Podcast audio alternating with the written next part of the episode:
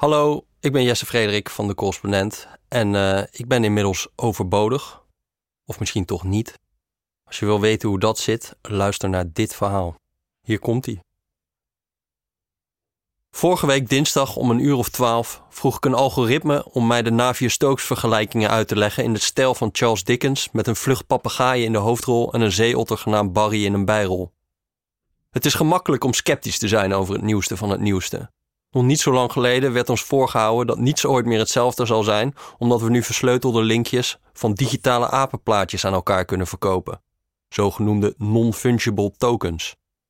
Tech-evangelisten meenden dat de blockchain een nieuw tijdperk zou inluiden waarin banken, kadasters, stemcomputers, aandelenregisters, verzekeraars en zelfs het longfonds overbodig zouden worden. Een peperdure digitale apenplaat van Justin Bieber is inmiddels amper nog wat waard. En de blockchain bleek toch vooral het database-equivalent van met een vorkheftruck een kratje pils verplaatsen. Maar over GPT, zoals het algoritme heet, kon ik onmogelijk sceptisch zijn. Op mijn scherm verscheen een onmiskenbaar Dickensiaans verhaal over drie leergierige papegaaien die een college vloeistofmechanica kregen van een orerende otter. It was a timeless day in the depths of the briny sea, illuminated only by the flickering bioluminescence of the parrots. The flock was tirelessly flapping their wings, determined to reach the distant horizon and explore what remained unsolved. Suddenly, a cry from Barry, the sea otter, asked their attention. My dearest friends, what I'm about to tell you may be difficult to comprehend, but it is the stuff of which this great ocean is made. It is a set of equations known as the Navier-Stokes equations. En zo ging het doldrieste avontuur nog paragrafen lang verder. Het gevoel bekroop me dat ik zojuist de eerste digitale vlucht over het kanaal had gemaakt. GPT werkt simpel. Je schrijft een opdracht en hij geeft tekst terug. De opdracht is vormvrij. Wat je kunt verzinnen kun je erin gooien. Aan GPT de schone taak een enigszins samenhangend antwoord te geven. Om zulke samenhang te feinzen bevat GPT onder de motorkap een statistisch model met 175 miljard parameters gekalibreerd op het corpus van het hele internet. Anders gezegd, GPT voorspelt tekst aan de hand van de eerdere tekst van miljarden aardbewoners.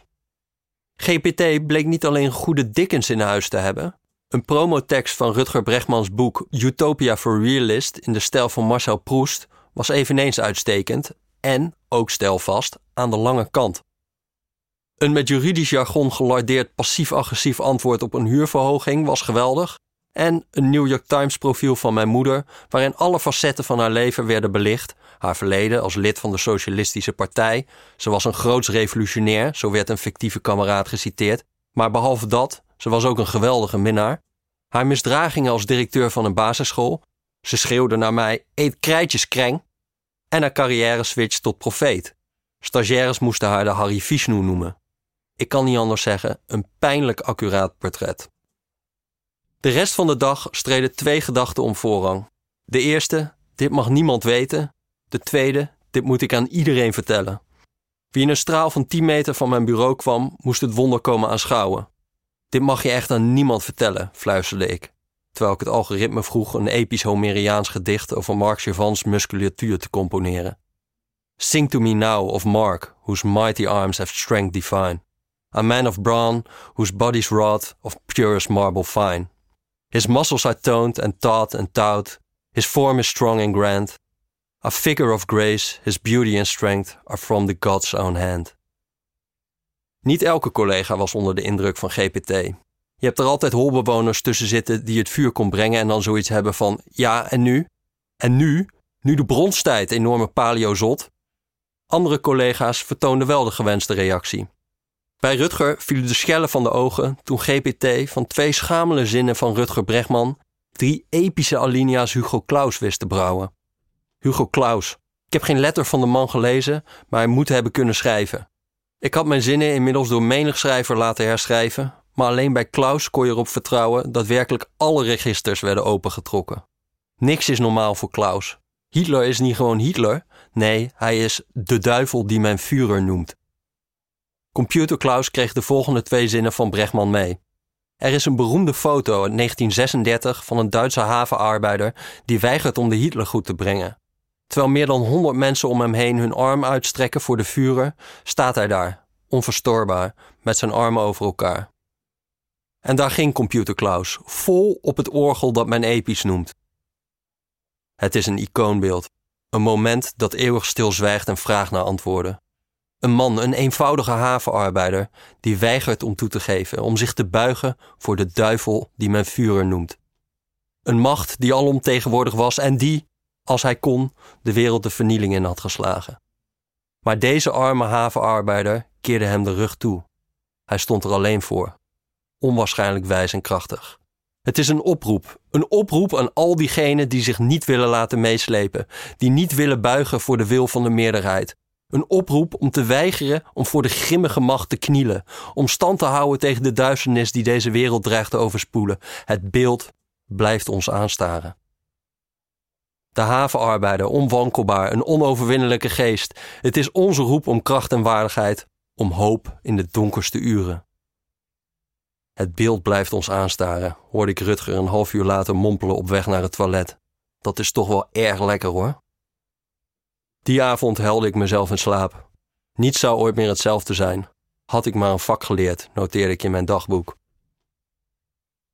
Pas de volgende dag kwam de bezinning. Was echt alles anders?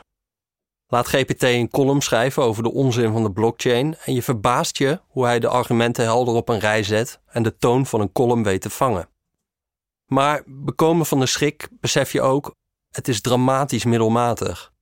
Wat er staat is saai, clichématig en bovenal humorloos.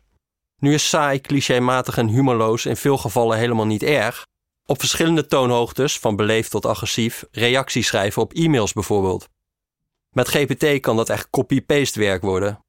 Maar hapklare publicabele columns genereren, ik zie het nog niet zo snel gebeuren. Zeker in het Nederlands is het lang niet allemaal subliem. Neem de bovenstaande paragraaf. Die avond uilde ik mezelf in slaap. Niet zou ooit meer hetzelfde zijn, had ik maar een vak geleerd. Het algoritme, met de stem van Harry Mulisch, maakt daarvan... Een stroom van verlies golft door me heen. Als ik in tranen mijn wanhoop op papier schrijf. Een diep gevoel van de definitieve verandering bezielt mijn ziel. Wat als ik de lessen had geleerd die ik niet kon ontlopen, piepte het uit mijn wezen. Waardeloos. Piepte het uit mijn wezen, stel je niet aan. Bezielt mijn ziel is natuurlijk uitgesproken lelijk. En sowieso, waar heeft machine Moelisch het over? Het cruciale element, had ik maar een vak geleerd, is helemaal verdwenen uit de herschrijving. De zinnen waar GPT mee komt, hebben dan ook vaak een hoog Deepak Chopra gehalte. Het staat er wel mooi, maar wat staat er? Of, zoals Computer Klaus zou zeggen, het is geen perfect werk, alleen het gruwelijk ruisen van het verdronken verleden. Wat, eerlijk is eerlijk, toch wel weer erg fraai is van Hugo. Problematischer dan matig proza is dat GPT een zorgelijke onverschilligheid vertoont ten aanzien van de waarheid. De Navier-Stokes-formules legden die prima uit, althans, dat vermoed ik. Maar toen ik GPT vroeg om een uitleg van de lucratieve belangregeling in de wet inkomstenbelasting, volgde gewichtig proza waar helaas weinig van klopte. Op een goed moment begon het algoritme op de zin toegesneden passages van de econoom-filosoof Friedrich Hayek te citeren. Mijn god, dacht ik eerst, ook dat nog. Tot ik erachter kwam dat hij deze citaten volledig uit zijn duim had gezogen. GPT is wat dat betreft een soort algoritmische bullshitter. Dat het soms klopt is meer een toevallige bijkomstigheid dan een doel op zich. Het doel is om ermee weg te komen. Maar goed, tot zover de plichtmatige kanttekeningen. GPT is al met al gewoon geweldig. Het beste wat schrijvers is overkomen sinds synonieme.net. Het is een ideeënmachine die niet alleen woorden suggereert, maar perspectiefwisselingen, stijlveranderingen, herformuleringen, beeldspraak. Neem nog eens die huilparagraaf van mij. W.F. Hermans kwam met Wenen tot de slaap, nummerloos verdriet. Had ik maar een vak geleerd, alles weggevaagd. Getuigd in mijn dagboek, onnodig verdriet. Ik zou het zelf nooit zo opschrijven, maar deze herschrijving opent wel deurtjes. Zo kan het dus ook. Het is vooral een kwestie van cureren.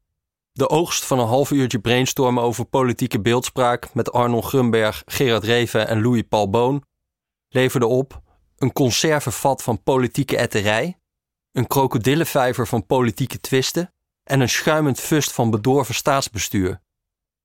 Zelfs de mislukkingen bevatten interessante vondsten.